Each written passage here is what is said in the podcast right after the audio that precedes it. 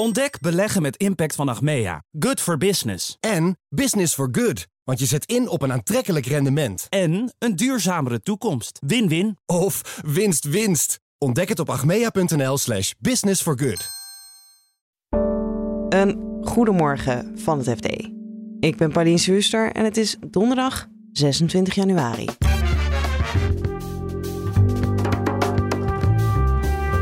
De autoriteit persoonsgegevens heeft forse kritiek op de nieuwe anti-witwaswet. We leveren hiermee uh, privacy in. Dat is eventueel oké als we weten wat het oplevert. Dat is blijkbaar nog niet uh, goed duidelijk. Oekraïne krijgt Leopard tanks van Duitsland. Eigenlijk de wens van elke krijgsmacht om die dingen in het arsenaal te hebben voor de landmacht. Dus het is echt een heel bijzonder wapen. En we hebben straks te veel vloeibaar gas. Dit is de dagkoers van het FD. We beginnen met het gas. Sinds de oorlog in Oekraïne zijn we driftig op zoek naar een vervanger voor het Russische gas. Misschien iets te driftig, want er dreigt een overschot, waarschuwen experts. Klimaatverslaggever Orla McDonald legt uit hoe dat kan. Ja, gek hè? Gek idee, omdat je nu zulke hoge energieprijzen hebt en je denkt, nou alsjeblieft, uh, groter aanbod van gas. Maar er zijn een aantal klimaatclubs en energie-experts die nu alle plannen voor LNG-terminals, dat is vloeibaar gas en pijpleidinggas, bij elkaar hebben opgeteld. En zij zien dan eigenlijk dat vanaf 2026 er een overschot dreigt op de gasmarkt. Mede omdat wij in Europa energiebesparingsdoelen hebben en klimaatdoelen die we ook moeten halen. Dus ons verbruik van gas, dat wat we eigenlijk nodig hebben, dat zakt. En het aantal LNG-terminals en pijpleidinggas neemt alleen maar toe.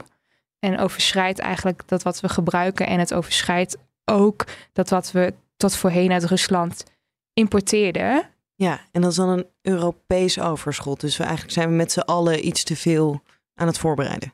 Het probleem is met name dat lidstaten nu heel graag hun uh, energie uh, zeker willen stellen. Wat op zich wel ook heel erg logisch is, gezien hè, de energiecrisis. Maar ze overleggen daarin niet met elkaar. Dus Duitsland bouwt echt en masse uh, nieuwe LNG-terminals. Nederland uh, die heeft de bestaande capaciteit van twee LNG-terminals uitgebreid, wilde nog eentje bouwen. Polen doet hetzelfde, Italië doet hetzelfde, maar niemand overlegt met elkaar. Dus eigenlijk is het ook moeilijk om te zeggen van hoeveel overschot is er nou eigenlijk? Um, die klimaat- en energieclubs die ik heb gesproken, die hebben dat wel goed in kaart gebracht, maar voor hen is het ook een schatting. Dus dat is gewoon moeilijk om te uh, kijken. Ja, maar is het dan zo simpel als ga goed overleggen en bouw er een paar minder? Of kan dat ook niet zomaar? Dat zou wel moeten, zeggen deze experts. Je zou echt veel beter moeten overleggen, ook voor het halen van klimaatdoelen. Het, lastige is wel, uh, de energieprijs is nu nog steeds best wel hoog. Dus je hebt ook wel die LNG-terminals nu nodig. En hoe sneller ze gebouwd zijn en of hoe sneller ze, die, je die capaciteit hebt, hoe beter dat is voor de prijs en het aanbod van gas. Maar die LNG-terminals worden ook gebouwd met contracten voor 15 jaar. Dus als je er dan nog op dat moment aan vastzit, dan is er en geen financiële prikkel om klimaatdoelen te halen, want er is heel veel gas dan. En uh, als de Europese Unie zegt, nou we willen die klimaatdoelen wel halen, dus we bouwen dat gasverbruik verder af, dan heb je het risico dat die gasbedrijven vastzitten aan een investering die niet meer loont. Ja. Dus meer overleg over wat je als EU echt nodig hebt. En dat dan bouwen en aankopen, dat is wel noodzakelijk. Of dat ook gaat gebeuren, is een tweede. Want ja, energiezekerheid is wel echt iets heel. Dat wil je als land gewoon graag zelf regelen. Ja, en je wil nu natuurlijk ook, want wat jij beschrijft, je wil nu natuurlijk voor iedereen, voor jouw burgers, die prijs drukken. En dan is dat er straks in 2026 misschien te veel is.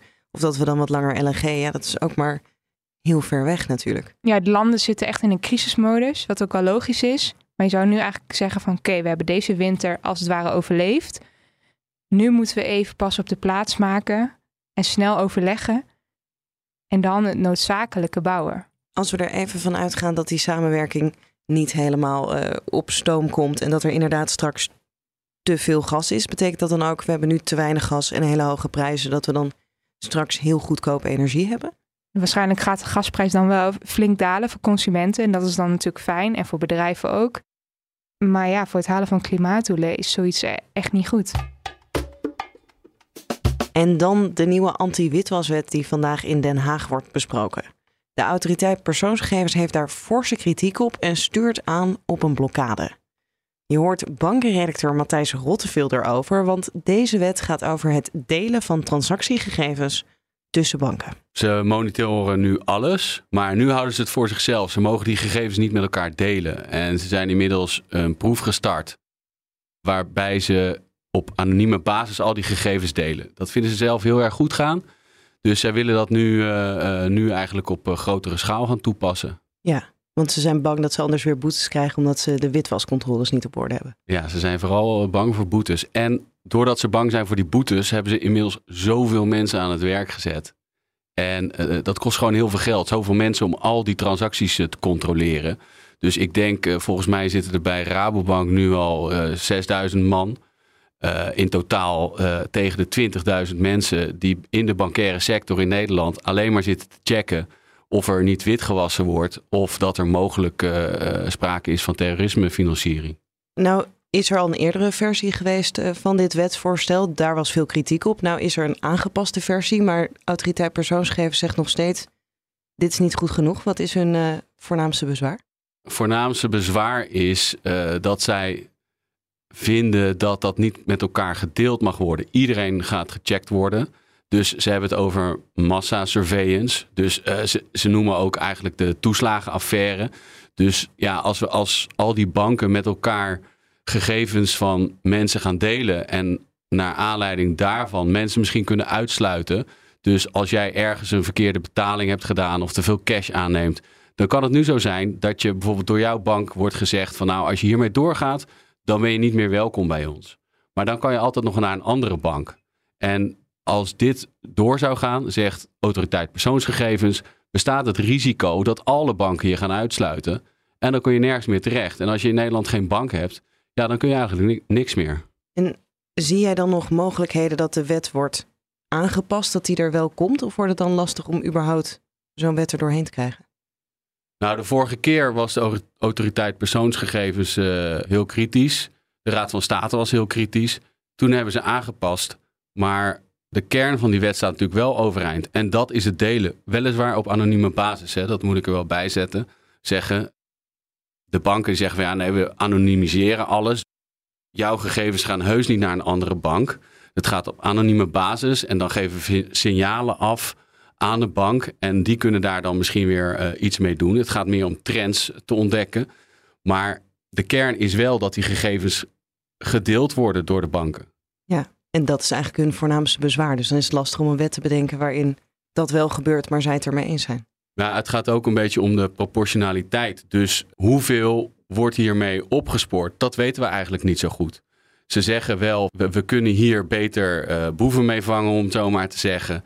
Maar de effectiviteit, de efficiëntie hiervan is niet helemaal duidelijk. En dat willen ze eerst zien.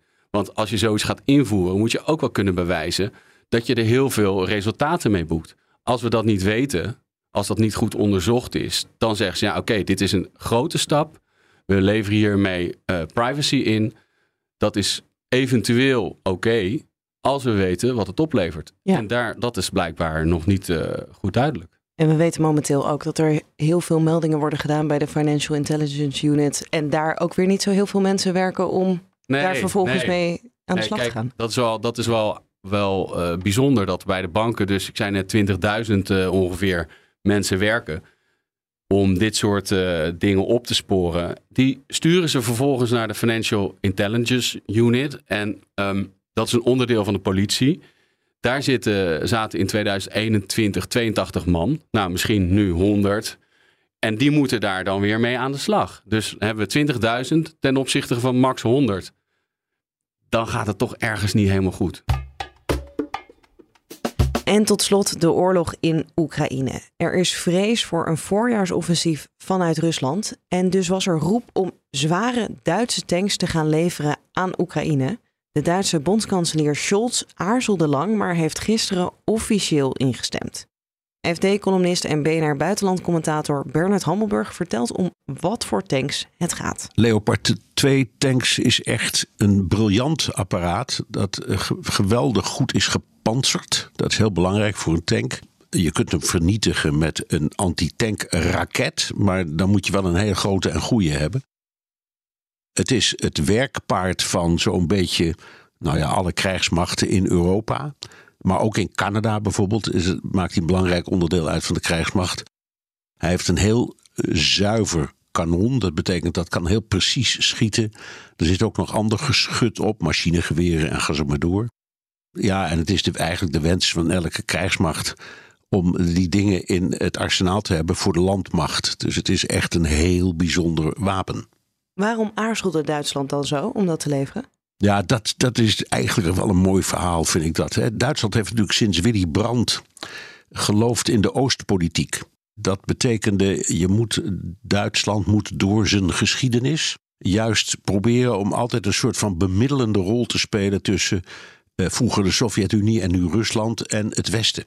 Willy Brandt was een sociaaldemocraat, dat is Scholz ook. En die heeft dat echt in zijn, ik zal maar zeggen, in zijn DNA.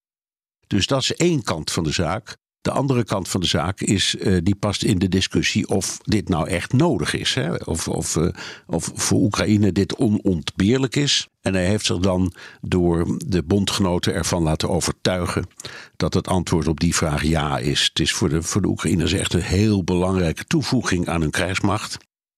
En dat kun je zien tegen de achtergrond van dat dreigende uh, offensief van de Russen. Um, maar ook omgekeerd, het is natuurlijk ook een offensief wapen. En uh, Oekraïne heeft een aantal geslaagde en soms niet geslaagde pogingen gedaan om bezet gebied terug te winnen. En daar is de, deze tank ook bijzonder handig bij. Die, die, die, die zou echt enorme aanvulling zijn bij dat soort exercities. Ja, en Bernard, je zei al, de bondgenoten hebben hem eigenlijk overtuigd dat dit nodig is. Kunnen we dan ook verwachten dat nu andere landen ook tanks, diezelfde tanks die kant op gaan sturen? Zeker, want, want er zijn er zoveel. Er zijn er meer dan 2000, ik meen 2300, over 13 uh, Europese landen verdeeld. Dus ze zijn overal in de buurt. En als al die landen die hem hebben en mee willen doen hier aan, en ik denk dat ze het allemaal gaan doen, uh, een soort kaasschaafmethode gebruiken en van hun eigen arsenaal, we zeggen, tien afstaan dan heeft uh, Oekraïne er in één keer tussen de 100 en 130. En dat is ongeveer wat ze zeggen nodig te hebben. Dus het is heel makkelijk uitvoerbaar. Je hoeft niet heel lang te wachten uh, op leveringen en zo. Dan de Duitsers zelf. Hè, want er waren twee vragen. Geeft Duitsland, de, de bondgenoten, toestemming om de Leopard tanks die ze gekocht of geleased hadden van Duitsland door te geven aan Oekraïne? En de andere vraag was: gaat Duitsland zelf ook deze tanks leveren? Dat heeft ook geleid tot een ja. En dat vond, vonden, vonden ze in de politiek eigenlijk minstens zo belangrijk. Dat Duitsland zelf zegt: ja, wij maken ze, maar we gaan ze ook leveren. Ja, hebben wij ze eigenlijk ook? Gaan wij ze ook uh, leveren? Ja, dat is een, een, idioot verhaal. We hadden vroeger tanks die op een bepaald moment zijn we daarmee gestopt. Tot, tot grote woede van de Nederlandse legertop. En na heel lang gedoe uit, zijn we ze uiteindelijk gaan leasen. Dus wij hebben geleasede Leopard 2 tanks. Rutte heeft, voor zover ik weet, al gezegd: wij gaan meedoen. Maar dat betekent wel dat we ze eerst moeten kopen. Een soort boekhoudkundige uh, verhaal. Dat heeft natuurlijk ook voor, voor de Nederlandse schatkist een bepaalde consequentie. Maar dat is, de, dat is hoe Nederland het doet. Andere landen die hebben ze gewoon gekocht in de loop van de jaren. Dus die kunnen er zonder meer afstand van doen. Ja. Verwacht je dat dit een uh, beslissende factor kan zijn in die oorlog? Dat is een hele moeilijke. Eh, omdat ja, zeggen, de strategische geleerden het niet helemaal met elkaar eens zijn. En dat komt omdat niemand precies weet hoe dat verwacht Russische offensief eruit zal zien. Als dat een heel groot offensief is, laten we zeggen langs het hele grensgebied, dan eh, helpt dit wapen, maar het is uiteindelijk niet beslissend. Want de Russen hebben twee dingen, namelijk onvoorstelbaar veel mankracht als het nodig is. En ze hebben ook ze kunnen ook vanuit de lucht opereren. De anderen zeggen nee, maar zo gaat het niet gebeuren. Het wordt waarschijnlijk een offensief dat zich richt op, op gerichte punten in de Donbass. Of bij rondom de Donbass. En dan is die tank ideaal als verdedigingsmiddel. Dus het, we weten niet precies hoe dat offensief eruit gaat zien. Maar in afval, door het hebben van dit soort zware wapens, want dit is echt de zwaarste categorie wapens. Uh, door die wapens te hebben, uh, is Oekraïne in afval wat veiliger dan het zonder die tanks zou zijn.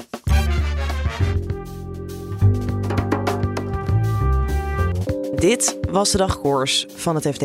Kijk ook eens in onze show notes. Daar vind je linkjes naar de verhalen die we net bespraken. En als je dan toch in je podcast-app bent, abonneer je dan ook even op dagkoers. Dan krijg je automatisch morgen de nieuwe aflevering binnen. Wil je ondertussen het laatste financieel-economisch nieuws volgen? Ga dan naar fd.nl. Voor nu een hele fijne dag en graag tot morgen. Ontdek beleggen met impact van Achmea. Good for business. En business for good. Want je zet in op een aantrekkelijk rendement. En een duurzamere toekomst. Win-win. Of winst, winst. Ontdek het op achmea.nl slash business for good.